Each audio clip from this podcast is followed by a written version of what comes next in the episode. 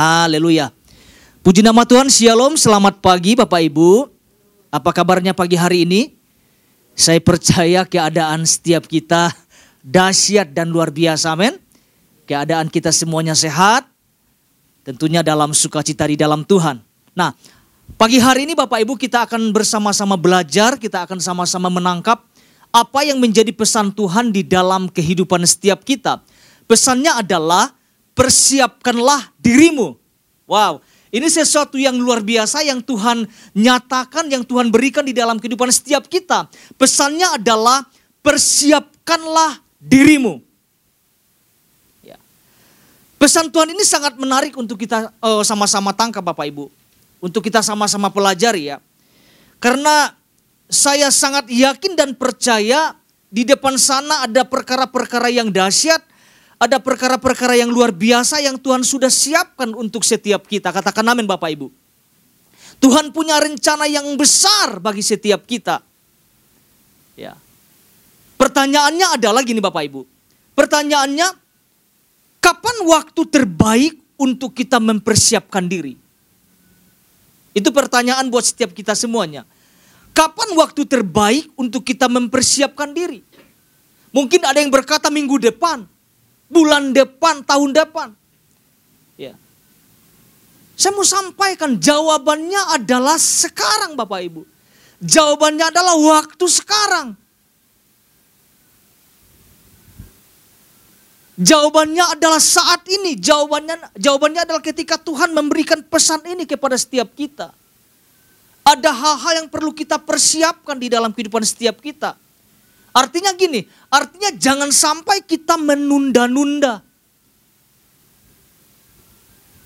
Artinya jangan sampai kita mengulur-ngulur waktu lagi. Waktunya adalah sekarang.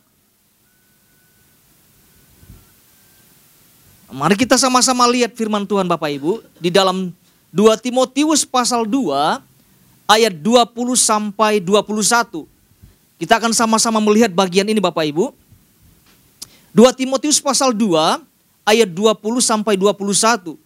Judul perikop Alkitabnya adalah nasihat dalam menghadapi pengajar sesat ayat 20.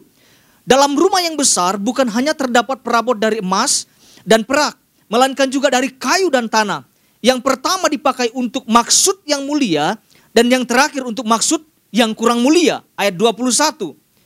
Jika seorang menyucikan dirinya dari hal-hal yang jahat, ia akan menjadi perabot rumah rumah untuk maksud yang mulia, ia dikuduskan, dipandang layak untuk dipakai tuannya dan disediakan untuk setiap pekerjaan yang mulia. Penekanannya di ayat 21 ini Bapak Ibu. Kalau kita perhatikan, perikop ini berisi tentang nasihat-nasihat yang sangat penting yang Paulus sampaikan kepada Timotius dalam tugas pelayanannya. Ya, kita bisa melihat Paulus dalam ayat ini Bapak Ibu ya, Paulus memberikan sebuah gambaran tentang perabot di dalam sebuah rumah yang besar. Yang pertama dijelaskan dipakai untuk maksud yang mulia dan yang kedua adalah untuk maksud yang kurang mulia. Mari kita renungkan nih Bapak Ibu. Ya. Paulus tidak menjelaskan mana yang lebih layak. Paulus tidak menjelaskan mana yang lebih mulia dari semua perabot yang tercatat di dalam ayat ini. Namun Paulus memberikan sebuah kunci yang dapat kita lihat bersama-sama. Apa kuncinya? Untuk bisa dikatakan sebagai perabot yang mulia, kuncinya adalah harus bersih.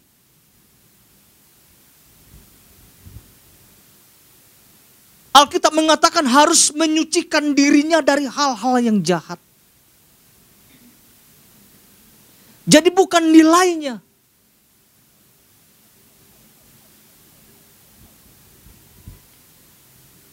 Ada standar yang ternyata di, yang yang disampaikan oleh Rasul Paulus sebagai kuncinya. Harus bersih Bapak Ibu. Nah kita sama-sama belajar ini. Perabot yang disebut adalah menggambarkan tentang kehidupan manusia yang penuh banyak kekurangan.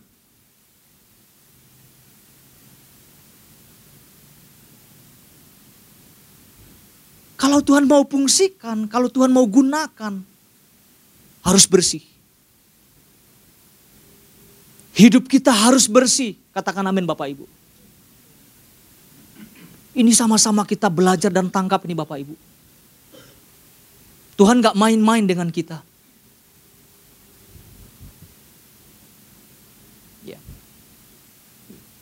Seperti yang Tuhan sampaikan Bapak Ibu di dalam inti pesan Tuhan ya. Saya saya akan bacakan bagian awal saja Bapak Ibu. Bahwa Tuhan yang sampaikan gini, bahwa banyak orang percaya yang sebetulnya di hati kecilnya rindu untuk dipakai oleh Tuhan. Tetapi enggan atau tepatnya tidak tahu cara mempersiapkan diri bahkan atau tidak yakin. Nah, kita mau belajar jujur. Ya, jika kita tidak tahu cara untuk mempersiapkan diri, apa yang harus kita lakukan Bapak Ibu? Datang sama Tuhan, betul ya? Nanya. Gitu ya. Kita tidak perlu gengsi datang sama Tuhan. Yang diperlukan adalah kerendahan hati, kerendahan hati untuk datang sama Tuhan, untuk nanya. Jangan sampai ada keengganan hati untuk datang sama Tuhan. Itu masalah yang terjadi kalau kita enggan.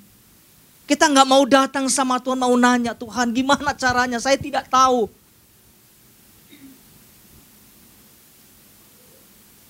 Saya percaya waktu kita datang sama Tuhan, Tuhan kasih tahu caranya kok. Berperang aja Tuhan Tuhan ajarin betul nggak?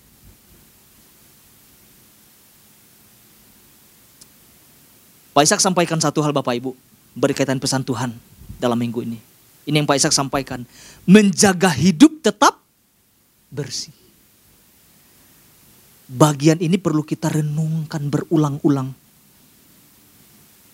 Karena kata menjaga itu ada ada ada pengorbanan yang kita lakukan. Bukan hari ini bersih, besok tidak. Besok lagi bersih, besok tidak. Tidak. Menjaga itu ada ada pengorbanan yang kita lakukan.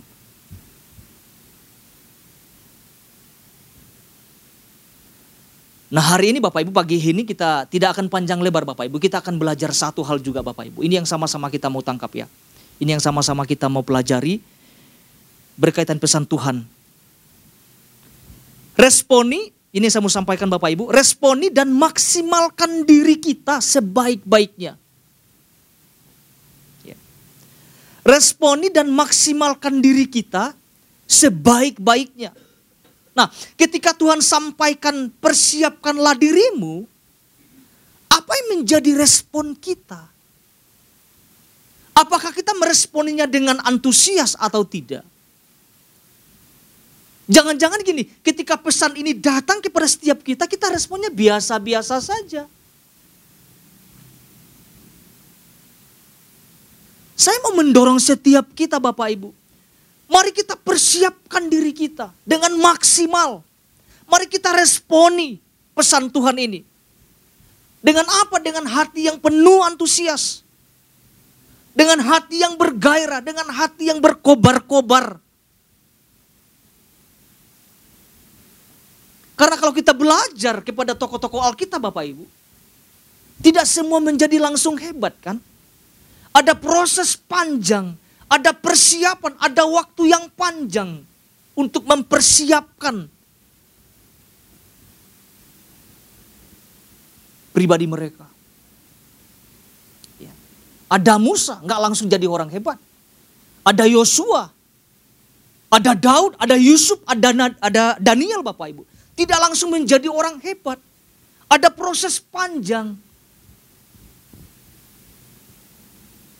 Jangan sampai kita mempersiapkan diri kita Bapak Ibu dengan asal-asal. Ya. Saya teringat dengan kisah oh, cerita di dalam Alkitab Bu Muti sempat sampaikan waktu doa pengurapan tentang lima gadis bodoh. Dengan lima gadis bijaksana. Kita tahu ceritanya. Apa yang dilakukan oleh lima gadis bodoh persiapannya tidak maksimal. Betul ya Bapak Ibu ya? Persiapannya seada-adanya. Tidak ada respon yang baik untuk mempersiapkan diri. Tidak ada pengorbanan di dalamnya. Apa yang terjadi? Ketika sang mempelai datang Bapak Ibu, apa yang terjadi? Mereka nggak bisa masuk.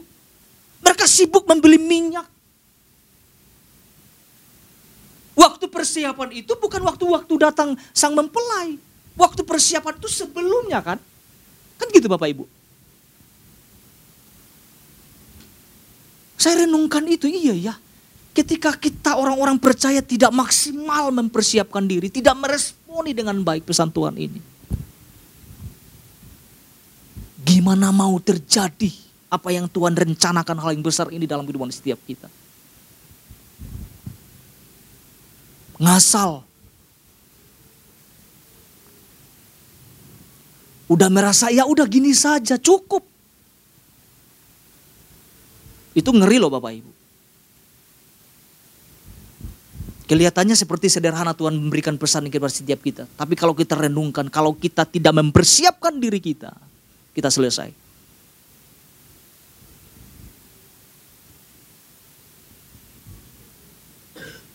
Jangan sampai pula kita persiapannya sama seperti yang dilakukan oleh lima, lima wanita yang bodoh ini Bapak Ibu. Di dalam ilustrasi firman Tuhan.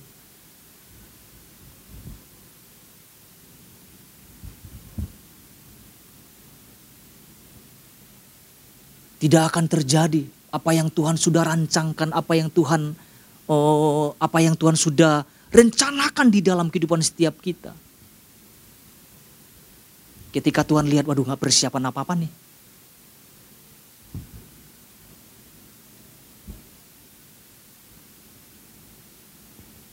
Ya, jangan sampai kehidupan kita gitu-gitu aja terus. Datar-datar gitu pelayanan kita, pekerjaan kita nggak pernah meningkat, gitu-gitu aja. Tuhan bilang, persiapkanlah dirimu. Pertanyaannya apa respon kita Bapak Ibu? Maukah kita memaksimalkan diri kita? Selanjutnya Bapak Ibu, apa yang harus kita lakukan? Agar kita bisa mempersiapkan diri dengan baik. Bagian A, ada tiga hal yang kita lihat sama-sama Bapak Ibu. Supaya kita maksimal. Kita harus melakukan penyelarasan hidup terhadap firman Tuhan Bapak Ibu. Kalau mau maksimal, mari selaraskan hidup kita.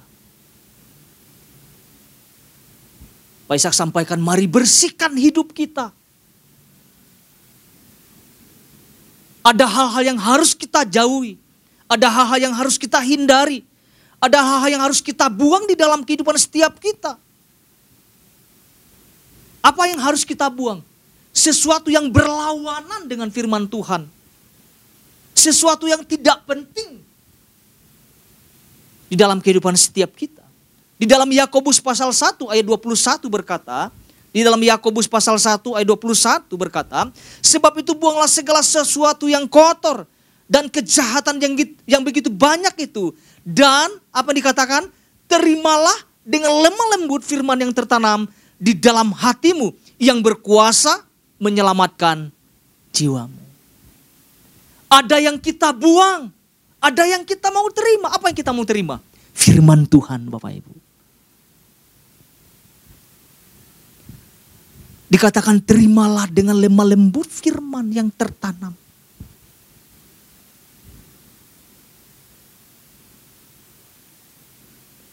Saya bisa merenungkan Bapak Ibu, saya merenungkan bahwa jika ada noda di dalam diri kita, maka kita sulit untuk bangkit.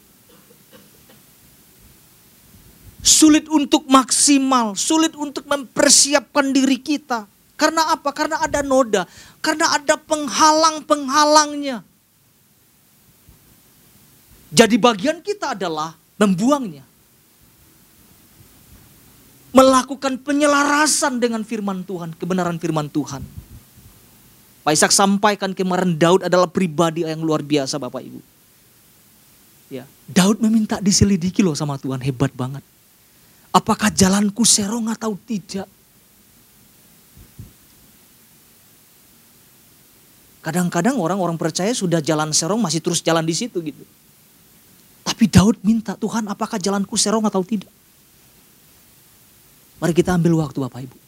Mari kita mau selaraskan hidup kita dengan kebenaran firman Tuhan. kita buang, kita singkirkan sesuatu yang tidak berkenan. Dan biarlah hidup kita diisi oleh kebenaran-kebenaran firman Tuhan. Nilai-nilai firman Tuhan di dalam kehidupan setiap kita. Mari kita lihat firman Tuhan di dalam 2 Timotius Bapak Ibu. 2 Timotius pasal 2 ayat 15 dan 21. Apa yang firman Tuhan katakan? Ayat 15 dan 21. Ayat 15 dulu. Dikatakan seperti ini Bapak Ibu. Usahakanlah. Ini dia Bapak Ibu. Usahakanlah supaya engkau, bukan mereka loh. Usahakan supaya engkau layak di hadapan Allah. Kalau layak itu apa Bapak Ibu? Memenuhi persyaratan kan? Diseleksi. Lolos dalam seleksi sebagai seorang pekerja yang tidak usah malu. Yang berterus terang memberitakan perkataan kebenaran itu. Ayat 21. Jika seorang menyucikan dirinya dari hal-hal yang jahat, ia akan menjadi perabot rumah untuk maksud yang mulia. Ia dikuduskan, dipandang layak untuk dipakai tuannya, dan disediakan untuk setiap pekerjaan yang mulia. Itu tujuannya, dahsyat sekali Bapak Ibu. Jadi kalau kita belajar kata usahakanlah itu ada apa Bapak Ibu? Ada pengorbanan betul ya? Ada bayar harga nggak di situ? Oh ada bayar harga di situ.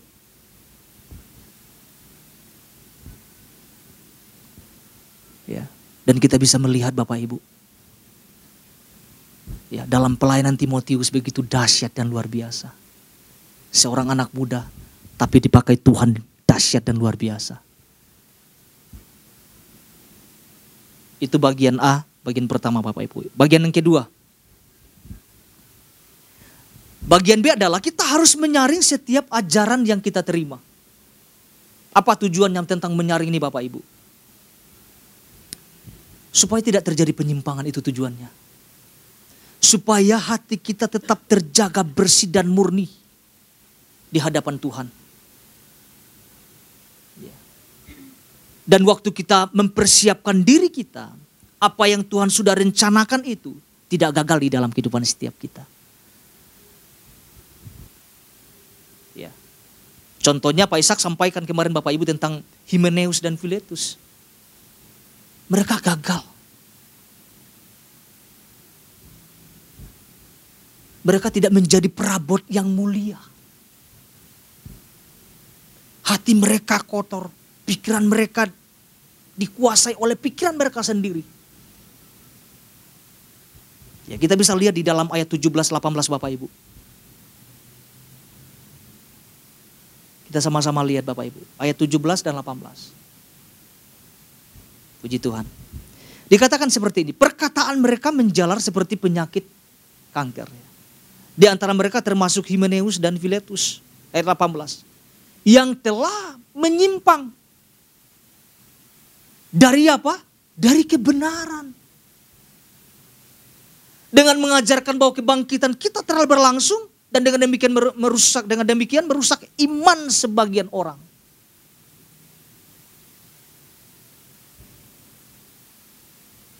Mengapa kita perlu menyaring semua apa yang kita kita terima?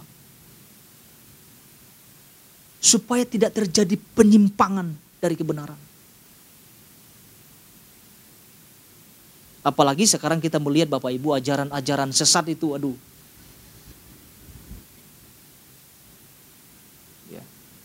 Kita bisa akses waduh ini bahaya di YouTube dan sebagainya, media sosial. Kelihatannya itu eh, tipis-tipis dengan dengan dengan yang aslinya.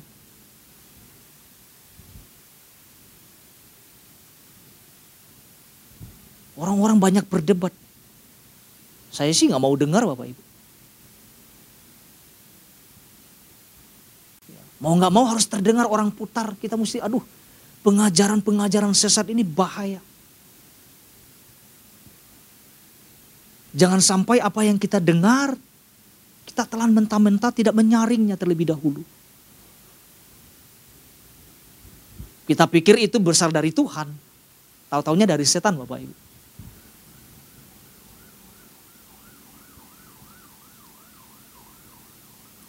Jangan sampai terjadi penyimpangan seperti yang terjadi dalam kehidupan Himeneus Bapak Ibu. Awalnya mungkin masih percaya, masih percaya, masih sejalan dengan Paulus. Masih sejalan dengan kebenaran.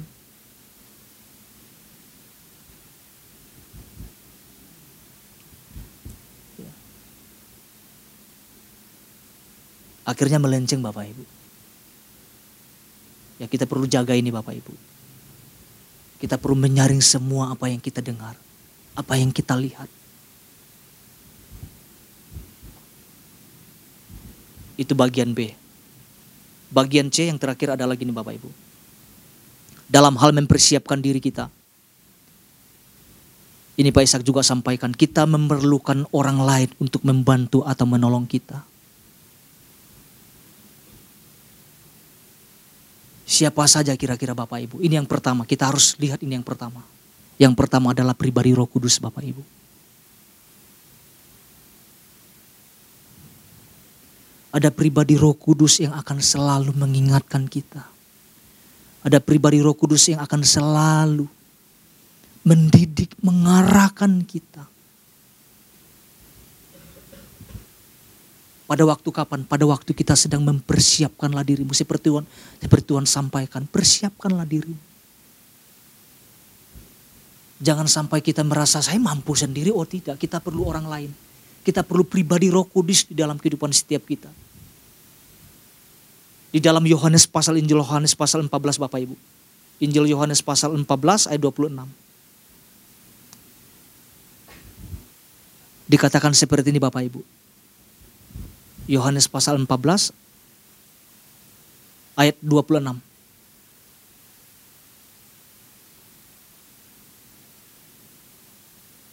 Iya, oke. Okay. Dikatakan seperti ini, tetapi penghibur yaitu Roh Kudus yang akan diutus oleh Bapa dalam namaku, dialah yang akan mengajarkan. Wow. Segala sesuatu kepadamu dan akan mengingatkan kamu akan semua yang telah kukatakan kepadamu. Mungkin kita tidak mengerti Bapak Ibu. Tapi ada ada pribadi Roh Kudus yang akan mengajarkan kita banyak hal. Yang kedua, yang kedua, siapa saja Bapak? Yang kedua, yang pertama pribadi Roh Kudus, yang kedua ada Bapak rohani. Ada Bapak gembala. Yang akan selalu mengingatkan dan membimbing. Yang penting kuncinya gini, mau terbuka saja itu saja. Yang penting mau terbuka. Waktu kita diarahkan, waktu kita diluruskan, yang penting terbuka saja. Bagian ini perlu kita pelajar sama-sama Bapak Ibu. Karena waktu kita pun ditegur kadang-kadang nggak mudah, ya kan? Tapi percayalah apa yang diarahkan itu pasti sesuatu yang baik. Ya. Siapa lagi Bapak Ibu selain pribadi Roh Kudus, Bapak rohani, Bapak gembala, Ya. Komunitas komsel kita Bapak Ibu.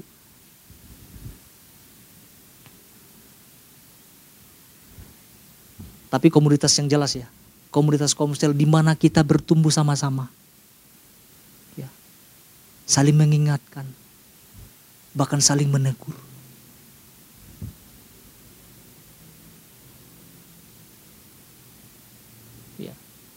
Tapi saya mah harus tekankan ini Bapak Ibu, dalam komunitas yang sama-sama bertumbuh ya.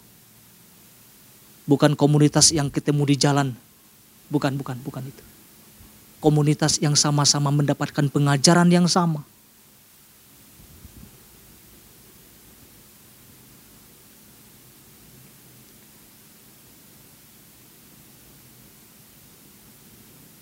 Jangan sampai kita mendapatkan dari komunitas yang lain yang kita tidak kenal.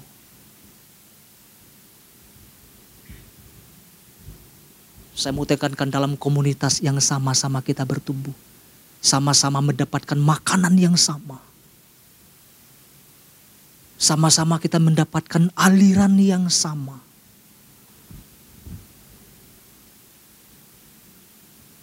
Karena ketika Tuhan mengatakan persiapkanlah dirimu, kita butuh orang-orang yang sejalan dengan kita. Jadi tidak panjang lebar Bapak Ibu, satu hal ini yang sama-sama kita mau tangkap. Responi dan maksimalkan diri kita sebaik-baiknya. Tuhan Yesus memberkati setiap kita.